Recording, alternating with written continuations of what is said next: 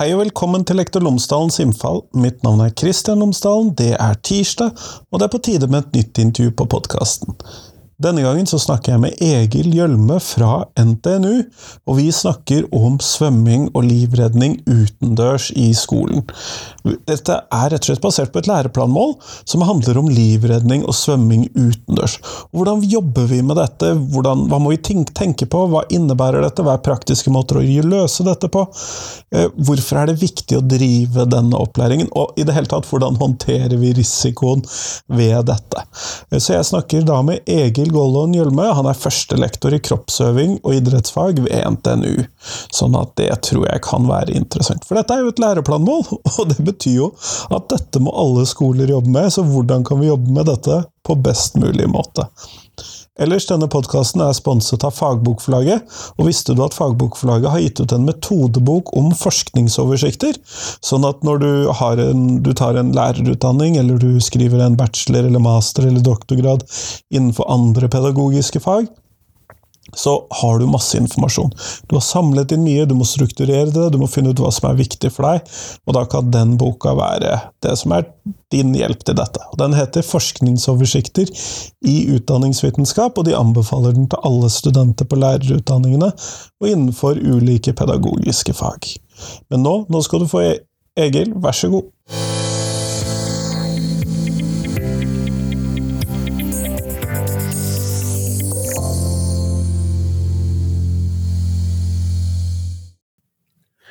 Egil Galån Gjølme, tusen takk for at du har tatt deg tid til meg i dag. Tusen takk for at jeg ble invitert. Du, Før vi kommer i gang helt med intervju, så hadde jeg håpet at du kunne fortelle lytterne mine tre ting om deg selv, sånn at de kan få bli litt bedre kjent med deg. Ja øh, En lang historie, selvsagt, men jeg skal prøve å gjøre den kort. Uh, jeg er jo en rørosing som liker å undervise. Jeg elsker å undervise. Eh, jeg har jo hele tida vært, eh, helt siden jeg var liten gutt, eh, veldig glad i å oppholde meg utendørs. Og det har egentlig prega både oppveksten min, og det preger også den undervisninga jeg driver på med. Og så tenker jeg jo det i ettertid, som den tredje tingen, at hvis jeg hadde gått på skole i dag, så har jeg sannsynlig vært en av de barna som kanskje hadde hatt litt problemer i det skolesystemet, og kanskje også hatt diagnose, i verste fall. Ja, ja det er jo Det er ikke så vanlig at uh, lærere kommer og sier uh, den detaljen inni deg, og det er jo viktig å tenke på for mange av oss. Ja, det er sikkert, uh, sikkert mange som har problemer, samme problemer som jeg hadde da jeg gikk på skolen. Det å holde seg i ro og være konsentrert og klare å holde motivasjonen oppe, det tror jeg mange syns er utfordrende i dagens skolesystem. Det tror jeg også. Eh, du, vi skal I dag så skal vi snakke om eh, litt sånn hva skal vi kalle det, utendørsskole. Og vi skal snakke om svømming utendørs. Og, men eh, når vi da først eh, er inne på det, hvordan er eh, denne svømmeundervisningen? Den, den er begrunnet i kroppsøvingsfaget, er den ikke det? Ja, det er en del av kroppsøvingsfaget. Og her i Norge, da, hvis vi sammenligner oss med andre land, så er det en ganske stor del. Og i Norge så er jo også læreplanen, som vi alle sammen kjenner, det er også en, eh, en, en forskrift, da, slik at lærerne de, de må bruke læreplanen og må følge læreplanen. Så svømming er en del av læreplanen i kroppsøving. Et eller annet land som, som har egen læreplan i svømming, det er Island. Så de er på en måte enda flinkere til å formalisere svømmeopplæringa. Det visste jeg faktisk ikke. Det er jo interessant at de har det. Uh, man kunne jo se for seg at det var et eget fag, men uh, ikke i Norge. Nei. Nei, vi har jo snakka om det, at det kanskje det burde vært et eget fag. For, å, for det er jo, I og med at læreplanen er sånn som den er, så kan jo skolene og lærerne de kan jo prioritere det veldig høyt eller eh, mindre høyt. Og noen steder så er det nesten fraværende. Eh, og Det preger jo svømmeopplæringa at eh, det er veldig store variasjoner. Da. Det ser vi også innenfor lærerutdanningen, der jeg jobber nå. Så varierer det veldig. Fra siste målinga vi gjorde der, en undersøkelse, så varierte det faktisk fra 0 til 76 timer i lærerutdanning. Det vil jo også prege de nye lærerne, ikke sant, og hvordan de tar undervisninga ut i skolen. Men når du da ser på da denne svømmeundervisningen i skolen, og sånn, hvorfor er, eller hvilken del av svømmeundervisningen, og hvordan er det man kan legge opp den sånn at den skjer utenfor uh, disse bygningene? ja. ja, det er interessant, for at uh, mange sier jo at uh, nå har vi fått et nytt kompetansemål. på NTNU, hvor jeg jobber, på lærerutdanninga, så endra vi egentlig opplæringa i 2015, for da sto det noe om at vi måtte ferdes trygt ute i naturen, på og ved og i vann. Vi tolka det slik at eh, det var da det var på mellomtrinnet, og da at vi måtte undervise også utendørs. da. Uh, og så var det jo eh, Det var jo et stykke arbeid som ble gjort der. Vi var sjøl med i en gruppe som skrev noe som heter Handlingsplan for bedre svømmeopplæring, som vi starta med i 2016. Og der var det en del sånne kriterier, da, som noen sånne statutter som vi måtte følge. Det var bl.a. innføring av en ferdighetsprøve, som det var litt sånn blanda følelser over. Uh, og så var det at vi skulle gjøre det bedre, ikke sant. Og argumentet er ofte at ikke folk skal drukne, ikke sant, eller at de skal også kunne være med på det som er moro. da. Ikke sant? Livslang bevegelsesglede og de ordene som vi finner igjen i, i læreplanen. da. Og Da begynte vi å diskutere om vi skulle rett og slett være enda mer konkret om at uh, svømmeopplæringa måtte også foregå utendørs. da. Så slik det også, Den gangen også så foreslo vi at vi måtte begynne tidligere for å bli trygg i vann. Uh, og vi foreslo at vi skulle få inn et kompetansemål i andre trinn, og så i fjerde trinn da, så er det jo den ferdighetsprøven, på en måte, eller de kriteriene som kalles å være svømmedyktig. Naturlig at det også foregår inne i et basseng. Men så, kanskje på mellomtrinn og ungdomstrinn, at vi også skal kunne bevege oss ut da, og finne eh, omgivelser i nærområdet som vi kunne ta i bruk, og gjøre denne svømmeundervisninga mer autentisk og realistisk, da. Og det, det, var jo spennende. Det var jo veldig mange som sa at eh, nei, her er det altfor kaldt. Her går det ikke. Eh, her er det, alt for, det her er altfor farlig. Det er ingen lærere som vil ta ansvar for det. Eh, men så har jo den snøballen rulla, og vi får veldig mulig vi bare ser de gode eksemplene, men det ser ut som det eskalerer ganske tydelig. da. Og det er jo litt ironisk at veldig, eller alle barn, hvis det er fint vær, har jo egentlig lyst til å gå ut og bade når skoledagen er ferdig. Og at vi da ikke tar ansvar for også den delen av opplæringa, det, det, var litt sånn fallitt da, mot skolen.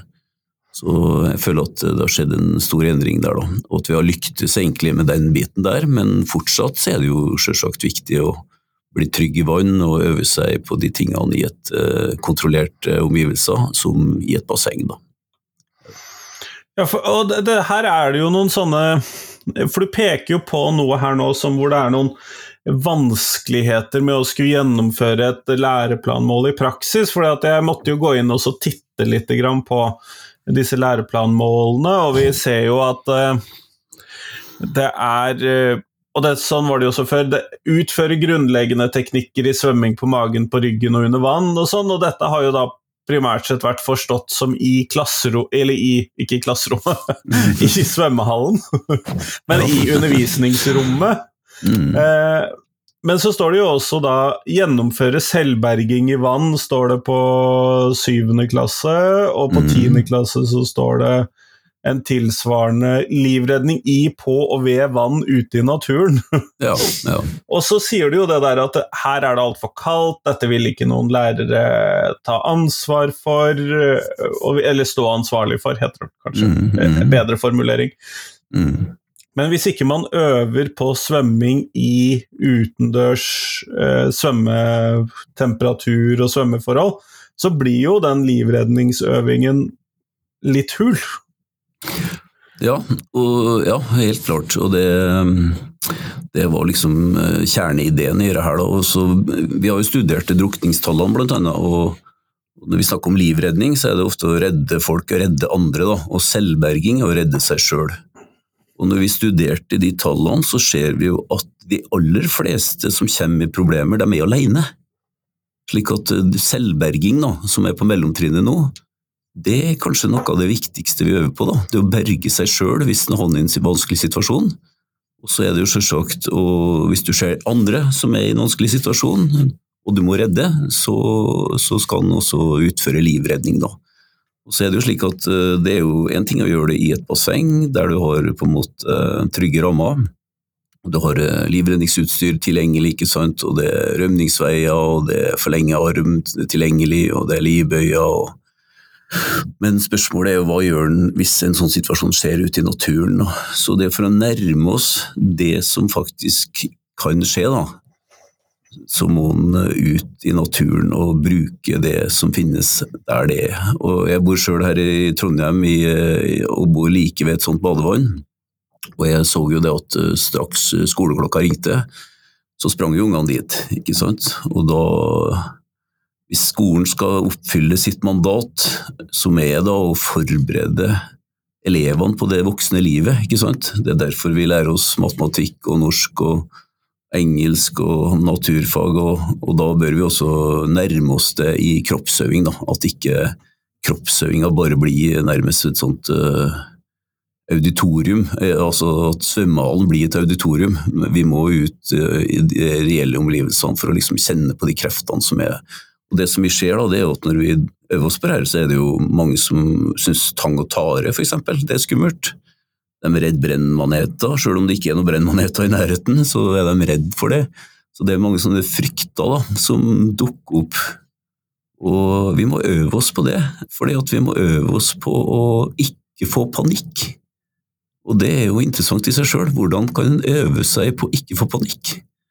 Da må en kanskje ut og utforske litt og teste litt grensene sine, ikke sant? og kjenne på hvordan er det hvis jeg havner ute i kaldt vann med klærne på? Er jeg i stand til å klatre opp på den bryggekanten eller opp i den båten? ikke sant? Er jeg i stand til å gjøre gode beslutninger hvis jeg ser noen andre som har problemer? ikke sant? Skal jeg svømme ut og prøve å hente dem? Kanskje ikke. Kanskje jeg skal springe og hente ei livbøye, og så svømme ut og hente dem? Kanskje er det et eller annet, en pinne eller et tau som du kan kaste ut sant, for å taue dem inn? Så prøve å skape de mer autentiske opplevelsene. Så blir det jo aldri helt realistisk, for det er jo utfordrende, men jeg ser jo at lærerne, når de får litt opplæring da, og føler seg litt tryggere i oppgaven, så, så er de med på det her. Da. Og Senest i går så svømte vi jo med en hel ungdomsskoleklasse ned Nidelva i Trondheim, der det tidligere drukna veldig mange mennesker. Da fikk de kjenne på det strømmende vannet, da, og kjenne på hvordan det er å havne i ei bakevje eller inn og ut av strømskiller, ikke sant? ting som er vanskelig å få fram i et basseng. Da. Og I vinter så har vi vært på isen, og gått på isen helt til isflaket liksom knekker og det ramler uti, og så prøve å komme seg opp på isflaket igjen. Og hvordan skal en da komme seg opp sjøl hvis en er alene, eller hvordan skal en da hjelpe andre hvis eh, det er en reell situasjon? Så det har vært en utvikling, eh, men vi har jo ingen offisielle målinger på akkurat hvor mange som, som gjør det. Og så ser vi jo noen sånne tilfeller at de setter bort til andre, da. Uh, mer profesjonelle aktører. Det har jo vært noen tilfeller av det. Blant annet i Bergen så er det jo bruker de Redningsselskapet da, for å hjelpe seg. Så jeg tror hver enkelt skole og hver enkelt kommune må finne sin løsning som er best for dem. da og gjerne bruke sitt nærområde. Det tror jeg er viktig. For det er der faktisk barna drar da, når skoledagen er over. Hva tenker du om at det settes bort til andre? Jeg er sterkt eh, blanda følelser for det. Eh, jeg tror at mange lærere trenger litt støtte og litt hjelp, da, eh, tror jeg. Men, jeg, men jeg tenker at det viktigste personen vi har i skolen, det er læreren. Da. Og jeg ønsker kompetente lærere som klarer å gjøre det her eh, på egen hånd. Det er det som er, det er kjernen i det vi holder på med. Jeg kjenner ingen matematikklærere som setter bort brøk, f.eks. Eller norsklærere som setter bort diktanalyse. Jeg syns ikke kroppsøvingslærerne heller skal gjøre det, da. men vi sliter jo mange plasser med at eh, de ikke har riktig kompetanse, eller føler at de har den tryggheten som skal til. da for å kunne gjøre alle de og fylle de alle kompetansemålene. Men da tror jeg liksom at den riktige tanken fremover i tid, det er også å styrke lærerutdanninga og styrke lærerne og, og, gi lærerne sjøltillit og, og at de skjønner at de kan faktisk gjøre det. Da. Så vi får jo Jeg hadde jo senest i går et kurs for uh, nye landsmenn da, fra Syria og Ukraina. Og det er svært variert hva de har opplevd tidligere, men jeg ser jo at uh, ved små grep da, og et enkelt kurs, så er de også i stand til å ta vare på seg sjøl og andre. Uh, på en mye bedre måte, da, og ikke minst øve seg på det her å ikke være så redd, ikke sant. Ikke få panikk, da, hvis du kommer i den situasjonen. For det Jeg har snakka med livreddere over hele verden, og det, de sier det på Bondi Beach og i, i Spania og Portugal og alle plassene der det er vanskelig. De sier at det viktigste du kan øve på, er å ikke få panikk, rett og slett. Og det tenker jeg alle kan øve på, uavhengig av om de har hatt kort eller lang lærerutdanning. Da. Ja. Ja, det er jo et ganske viktig poeng, fordi at uh, vi ser jo alltid Eller ser ofte i forbindelse med f.eks. For akkurat når vi spiller jo inn dette i juni, selv om dette blir sendt senere, uh, at, så kommer det jo sånne der, uh, artikler og annonser og, som beskriver at dette er sånn en drukning ser ut, og hvis du skal ut og redde noen, så må du tenke på disse tingene her, og de folk får panikk, og de prøver å drukne deg mens du redder dem, type mm. artikler. Sånn at den der panikkreduseringen er nok veldig viktig. Mm. Ja, den prøver jo alltid, og det skjer også internasjonalt, at eh, de prøver gjerne å skaffe og lage en sånn uh, liste da, over hvordan du kan gjøre ting. da.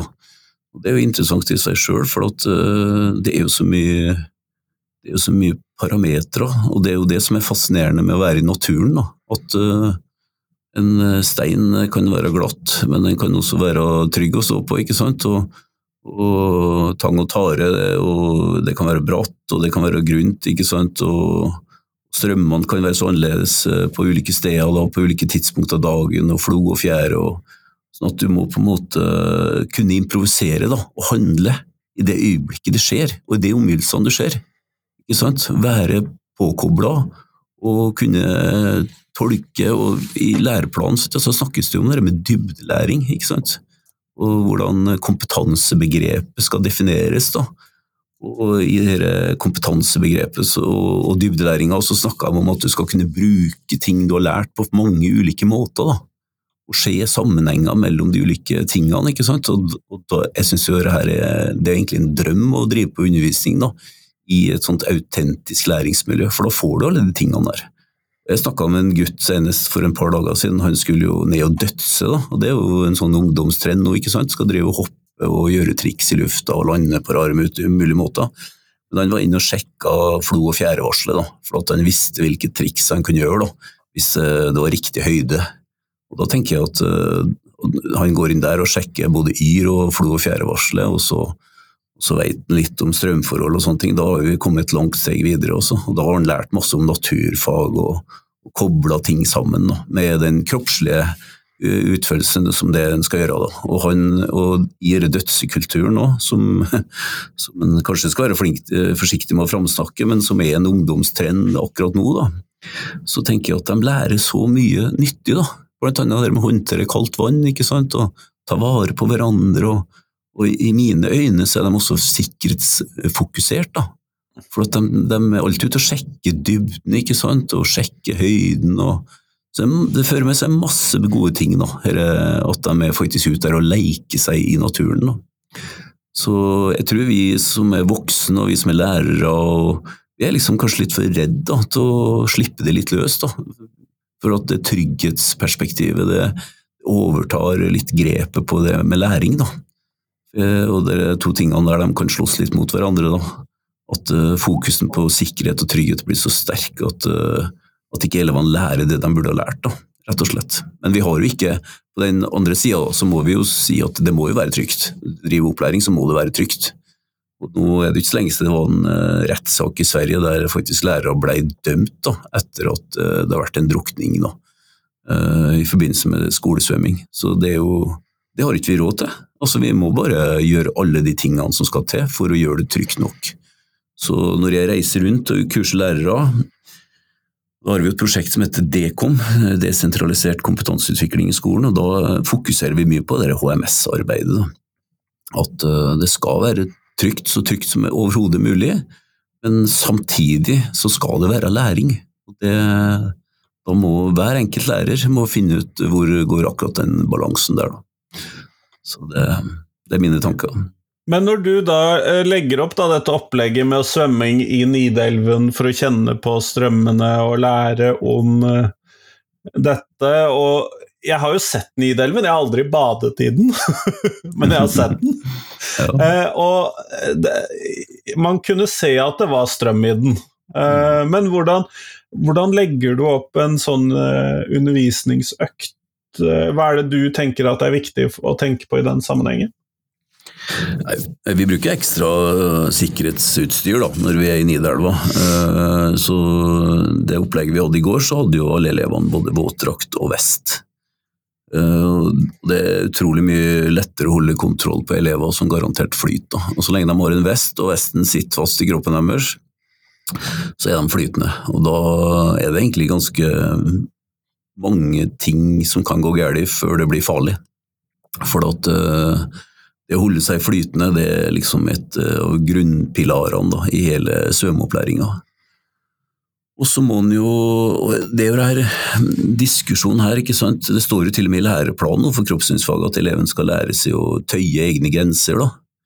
Og det syns jeg er litt viktig da, i skolen, for at skolen, eh, skolen skal, skal, hjelpe eleven da, å strekke seg. Og jeg tror ikke at eleven blir dyktigere ved å bare gi dem enda mer lekser og enda flere prøver og tester, men at de kanskje får kjenne på hvor grensene går.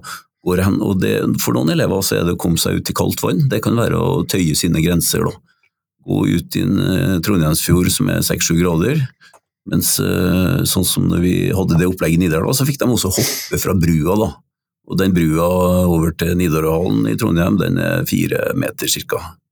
Så de fikk hoppe uti, og så fikk de da kjenne på strømmen, ikke sant? og så fikk de også prøve å svømme mot strømmen, bare for å kjenne hvor vanskelig det er. Og, og da tror jeg at de får en slags virkelighetsoppfatning om at det er ikke mulig da, å svømme mot strømmen, så du må bli med strømmen. og Lære deg å kjenne på strømskillene, ikke sant. Og, så har vi ei kai lenger ned da, som eh, de sikter seg inn på, og så skal de da øve seg på å komme bort til den kaia og klatre opp på kaia. da. Og der òg er det dette med risikoforståelse, da, at de får faktisk uh, kjenne på at uh, hvis du er i elv og svømmer inn til en kai, så er kanskje det farligste situasjonen som du kan få der, er jo at du blir trukket under kaia, ikke sant. Da er jo faktisk en farlig situasjon. Da. Så kjenne på hvordan de møter kaikanten, da, at de går inn fra sida eller bak, ikke sant. Og der er det kanskje litt av bakevje og så får de en forståelse av alle de kreftene da, som røres i elva. Og kanskje de også kjenner på, selv om de hadde våtdrakter i går, så har de jo tynne våtdrakter.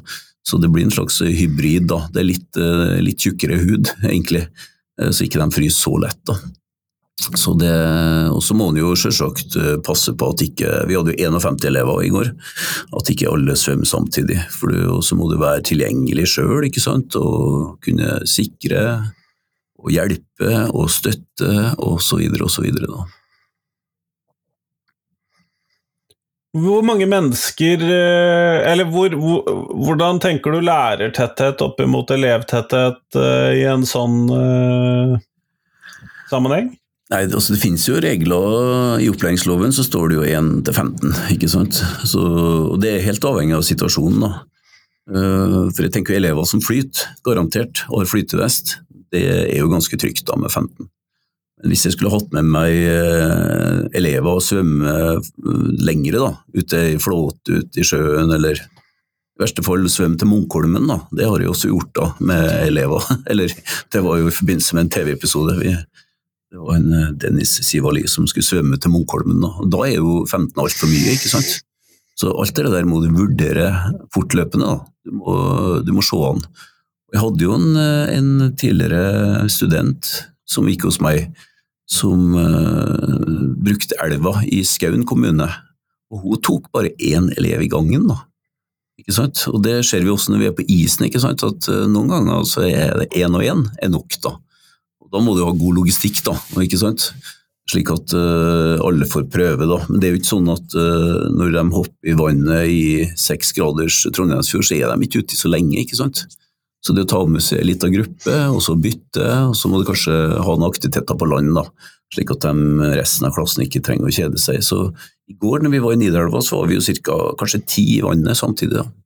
Men vi hadde flere voksne da som var med og støtta, og lærere som sto på kaikanten med kasteline og så diverse. da.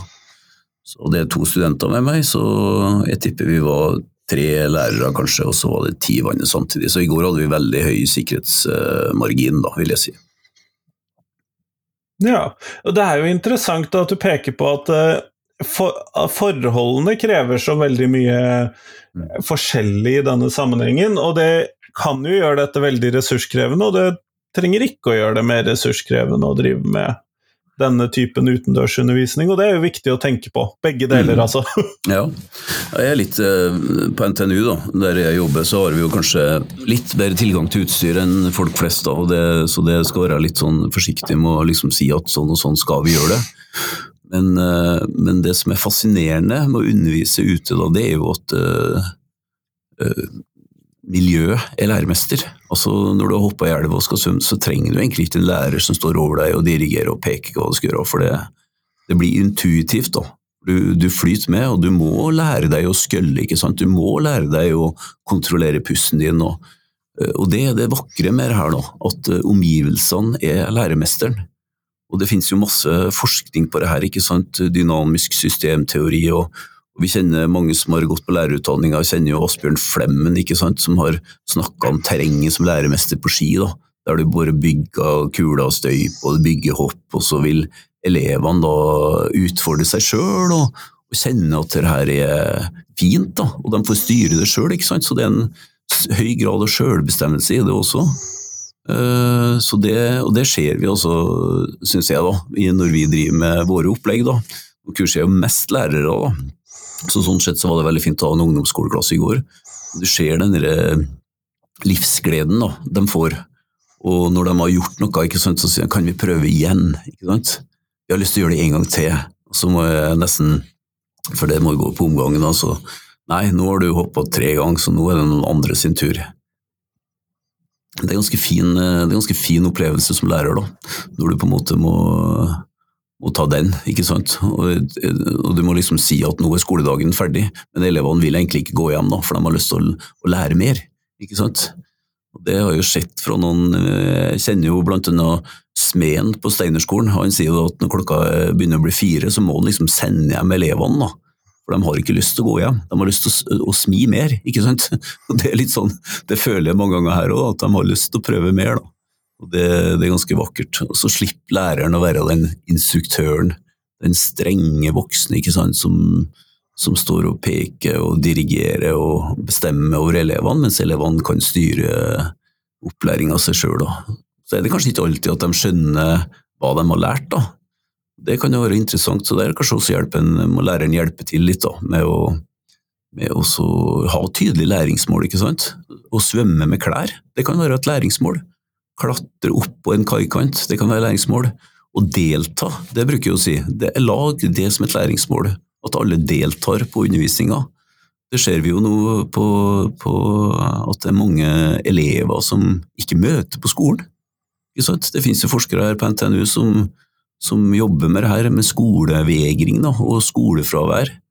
Og det er flere og flere elever som ikke, rett og slett ikke møter på skolen. Og Da kan en stille spørsmålet hva er det som rører seg da, liksom? Hva gjør de hvis de ikke går på skolen?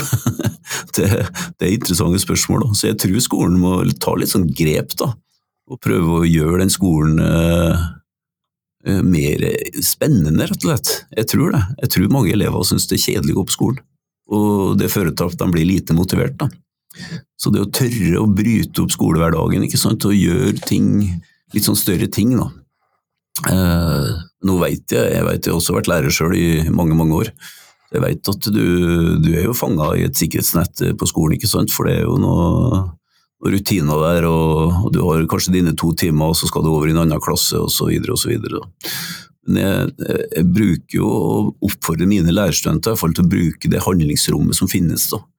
Og det finnes som oftest, så er det muligheter. Da. Nå er jo dette utendørs svømmeopplæring, men tidligere så har jeg jobba mye med uteskole.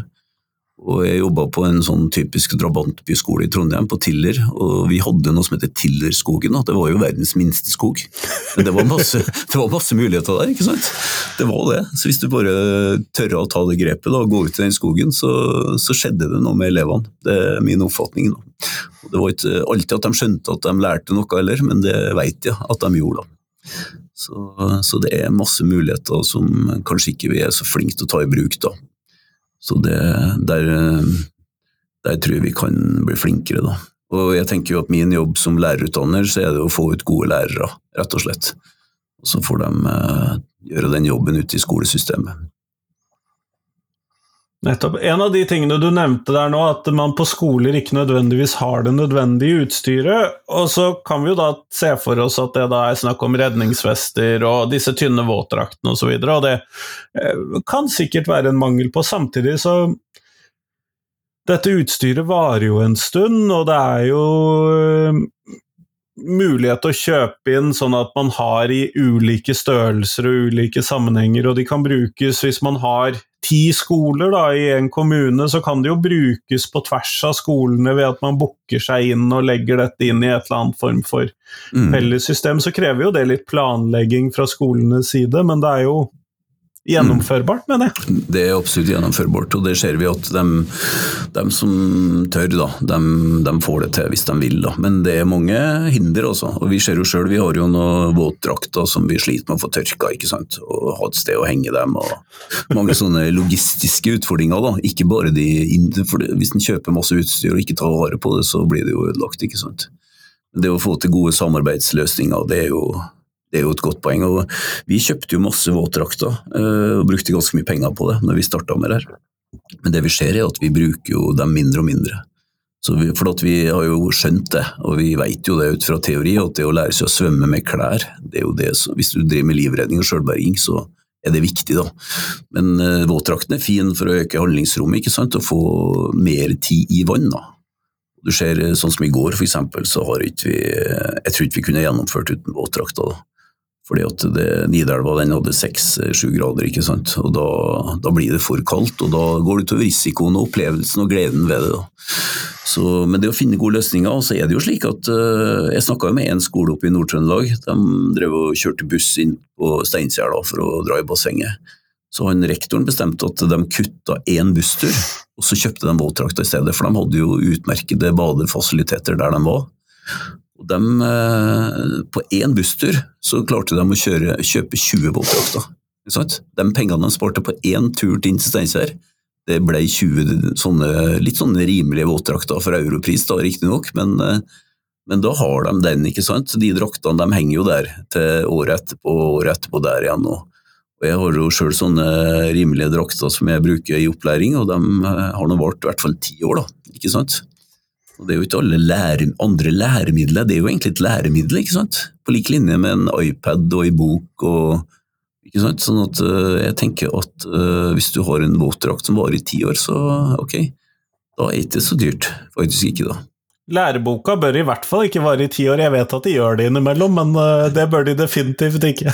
Nei, Nei det, bøker bør skiftes ut, og det vet vi jo. For det, blir jo, det er jo læreplanen forrige Altså etter Kunnskapsløftet, da når eh, de nye svømmemålene kom, så ble jo dette endra ja, Før LK20 så var det i hvert fall tre endringer i kroppssynsfaget. da. Vi hadde jo en endring i 2012 og en i 2015. Og så kom det en ny læreplan i LK20. da. Da må jo litteraturen følge etter, selvsagt. Det er jo sånn. Og da tror jeg bare det perspektivet på at jo, en eh, redningsvest, eller flytvest, som vi bruker da, og en våtdrakt, det er et læremiddel. Som ikke går ut på dato, egentlig ikke, men kan bli utslitt, da, selvsagt. Så det, så det er litt bedre. Og det sa jeg, jeg snakka med en rektor i går på Blussevoll, hun sa det. Det her er læremiddel, sa så, så, er det jo alle de logistiske tingene. Sant? At uh, kroppsøvingslæreren skal slippe å ha en haug med våtdrakter hengende på badet sitt etterpå. Ikke sant? At vi må også få hjelp til de tingene der. da. Å tørke og ta vare på og reparere og alt. Slik at ikke læreren blir, hver eneste gang blir stående med det. Men vi har gode erfaringer med at elevene kommer i ullundertøy og treningstøy utenpå. Det fungerer nesten som sånn hybrid våtdrakt. Og så får de en flytevest da, hvis de trenger det. Og vi kjører veldig mye opplæringa vår sånn, for da når du avslutter opplæringa for dagen, så er det egentlig å ta vare på de flytevestene. Og det er en helt annen jobb da, enn å holde på med alle de draktene. Og så kanskje må du ha noen sånne kasteliner og noen, noen livbøyer og litt sånne ting. da for å klare å gjennomføre opplæringa etter eh, en sånn slags forståelse som vi har. Da. For det er jo viktig, vi hadde jo For mange år siden så snakkes det mye om denne Romsås-ulykken, der det gikk bort to gutter. Eh, og den ene eh, skulle ut og ta seg en dukkert, hadde spilt fotball, ikke sant? og så hopper den andre etter for å prøve å redde, og så går begge bort. da. Og, og, og omkom i det tjernet, da, svarttjernet som det heter. Og det som var interessant der, var jo at eh, han som skulle redde, han sprang jo forbi ei sånn livbøye, men han visste sannsynligvis ikke hvordan han skulle bruke henne. Det er jo sånne ulykker som en ikke har råd til, ikke sant. Som, eh, så vi har et voldsomt ansvar der, til å lære elevene å kikke etter, eh, etter ulike måter å redde hverandre på. Bruke forlenga arm og alle de sikkerhetsreglene som, som en kan få inn da, i en sånn opplæringssituasjon. Eh, du er jo med på et prosjekt som heter Water Competency. Kunne du si noe om det? Ja. Vi har, du leder en forskningsgruppe, ja, faktisk. ja. Vi har en forskergruppe på NTNU. Da. Den er jo, den er jo satt sammen ganske sånn bredt, da, og har flere samarbeidspartnere på en del andre høyskoler også. Så vi har, eh, vi har liksom eh, prøvd å sette litt fokus på det. Da. Det var jo i kjølvannet av den handlingsplanen for bedre svømmeopplæring, så, så prøvde vi å, å, lage mer forskningsbasert, eller produsere mer forskningsbasert litteratur. Det var egentlig det det dreide seg om. da. Men også implementere det ikke sant, i skolen. da. For det hjelper ikke om vi sitter på kontoret vårt og lager fine artikler hvis ingen leser dem. Så det er jo den forskergruppa der, da, den er jo også veldig knytta til praksisfeltet, vil jeg si. Men det er fire sånne store ting som vi har jobba med, og det viktigste i gruppa er jo selvsagt å utdanne fremtidens lærere. Det er nummer én. Og så har vi utvikla en app. Der er det meg og en tidligere student, da, hovedsakelig en tidligere studenten min, som hadde en veldig god idé. Så har jeg hjulpet med å få den ut i, ut i, ut i systemet, skulle jeg si. Det er en gratisapp som heter Water Competence. Der ligger det 450 videosnutter uh, som kan deles fritt. da. Uh, og så gir lærere et, et påfyll sant, av hvordan de kan drive opplæring. da. Så den uh, har vi lyktes fint med. Den ble lansert gratis 1.10 i 2022, og nå er den ute i nesten 60 land. Så vi skal, ut i, vi skal ut til verdenskonferansen i Perth nå i desember og vise den fram der. Da. Så forhåpentligvis så vil den spre seg enda mer, og vi vil få inn enda flere gode filmer da, på ulike typer eh, problemstillinger knytta til, til, vann. Og så har vi et uh, prosjekt som, um, som, går på å lære våre nye landsmenn å ferdes trygt. Altså hvordan kan en syrisk flyktning som har sittet i en båt over Middelhavet, bli en livredder? Det har vært en av de spørsmålene jeg har eh, stilt. ikke sant? Hva kan de gjøre for å ta vare på seg sjøl og familien sin og sine nærmeste? Eh, de har kanskje aldri hatt svømmeopplæring, og de er kanskje veldig redd vann. ikke sant? Og Da må vi på en måte gi dem det de kan som er mulig. da. Det er ikke sikkert vi klarer å lære dem å svømme, men de kan jo lære seg å følge med barna sine, f.eks. De kan lære seg å laste ned i den tre-appen, og de kan lære seg å bruke forlenga arm. De kan faktisk uh, gjøre ganske mange ting da, som er livreddende, sjøl om de ikke måte er noen sånn utdanna livreddere med store svømmeferdigheter. Og så har, et, uh, så har vi et, uh, system der vi har samarbeidet med Redningsselskapet og Padleforbundet om å lage et, et sånt dokumentasjonssystem. Og det er knytta til noe som mange kjenner, som heter våttkort, som mange kjenner fra padling. da. Så vi gjør det samme nå innenfor uh, svømming og livredning. Da, at du kan ta et våttkort i livredning og, og, få dokumentert din kompetanse. Og den, eh, måte Det våttkortet der som vi utsteder, det er jo ikke, det er jo ikke noe sånn ferdighetsprøve sånn knytta til det, men det er mer at du skal få vite at du har vært gjennom den opplæringa som, som, som, sies da, i den egen, den egen fagplan eller læreplan innenfor det her. Da. Det, I forhold til ulykker og internkontroll og sånne ting, så er jo sånne dokumentasjonsbevis, da, kompetansebevis, det er sett på som en, som en del av internkontrollen da, i mange systemer. Tidligere er mange som kjenner den obligatoriske livredningsprøven, som var egentlig ganske sånn presisert da, i gamle rundskriv fra Utdanningsdirektoratet. Nå er jo det her knytta mye mer til den internkontrollforskriften. Sånn at uh, skolen og kommunen og alle som jobber med opplæring, de skal ha, det skal foregå på trygg måte, altså, og det må være dokumentert. Da. Og Det er i den sammenhengen her at vi har laga det kompetansebeviset. Og det skal jo være trygt uansett sant, av hvilken opplæring en driver på med, om en er på sløydsalen eller i gymsalen eller ikke sant. Så skal det være trygt for eleven, og, og i tillegg være dokumentert. da. Sånn at vi har på en måte prøvd å tenke sånn at uh, her dokumenterer vi at lærerne har vært gjennom en viss type opplæring. Og det kompetansebeviset er jo selvsagt uh, frivillig, da. Det er ikke noe som vi pålegger lærerne, men uh, hvis de ønsker det, så får de dokumentert sin kompetanse gjennom det systemet. Nettopp, nettopp. Mm. Eh, du, vi går mot uh, slutten av denne episoden, og da skal jeg stille deg det spørsmålet som jeg stiller til alle jeg uh, snakker med for tiden. Og det er hvilken lærer har gjort størst inntrykk på deg, og hvorfor det? Ja, det, det er et artig spørsmål, for at, uh, det er en lærer som jeg hadde på Røros, der jeg vokste opp. det er et enkelt, for meg så er det et enkelt spørsmål, da, for det var egentlig bare han. Han heter Arne Bakken. Han, eh, han, eh, han, var nok en lærer som så meg og forsto meg. Når jeg var, når jeg var eh, ikke i barneskolen sjøl, så forsto han at, at jeg syntes skole var vanskelig. Da. Ikke for at jeg syntes det var for at jeg ikke forsto ting, men det var mer det systemet, skolesystemet, som ikke passa meg så godt. Og da tenker jeg Arne Bakken han var en lærer som var veldig dyktig på å gi oss elevene da, en mer variert skolehverdag.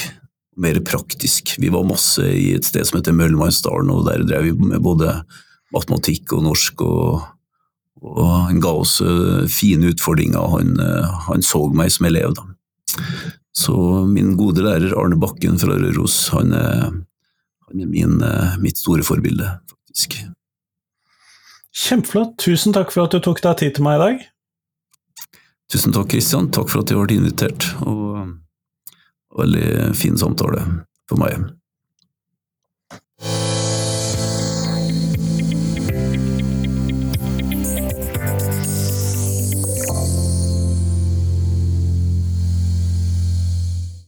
Tusen takk til Egil, og tusen takk til deg som hørte på.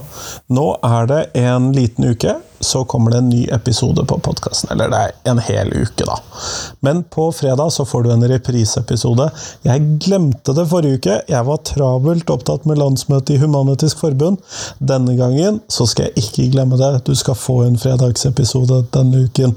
Og så kan jeg heller si det at jeg hadde tre episoder i uken. Eh, I uken med Arendalsuka, så skal jeg prøve å uh, unngå å skamme meg for mye over å ikke ha levert alle episodene i forrige uke. Men det satser vi på at jeg får til. Men du, send meg tips til hva du vil høre, hvem du vil høre, temaer du vil høre, og del podkasten min med noen, så blir jeg utrolig glad for det. Ha en fin dag videre. Hei, hei!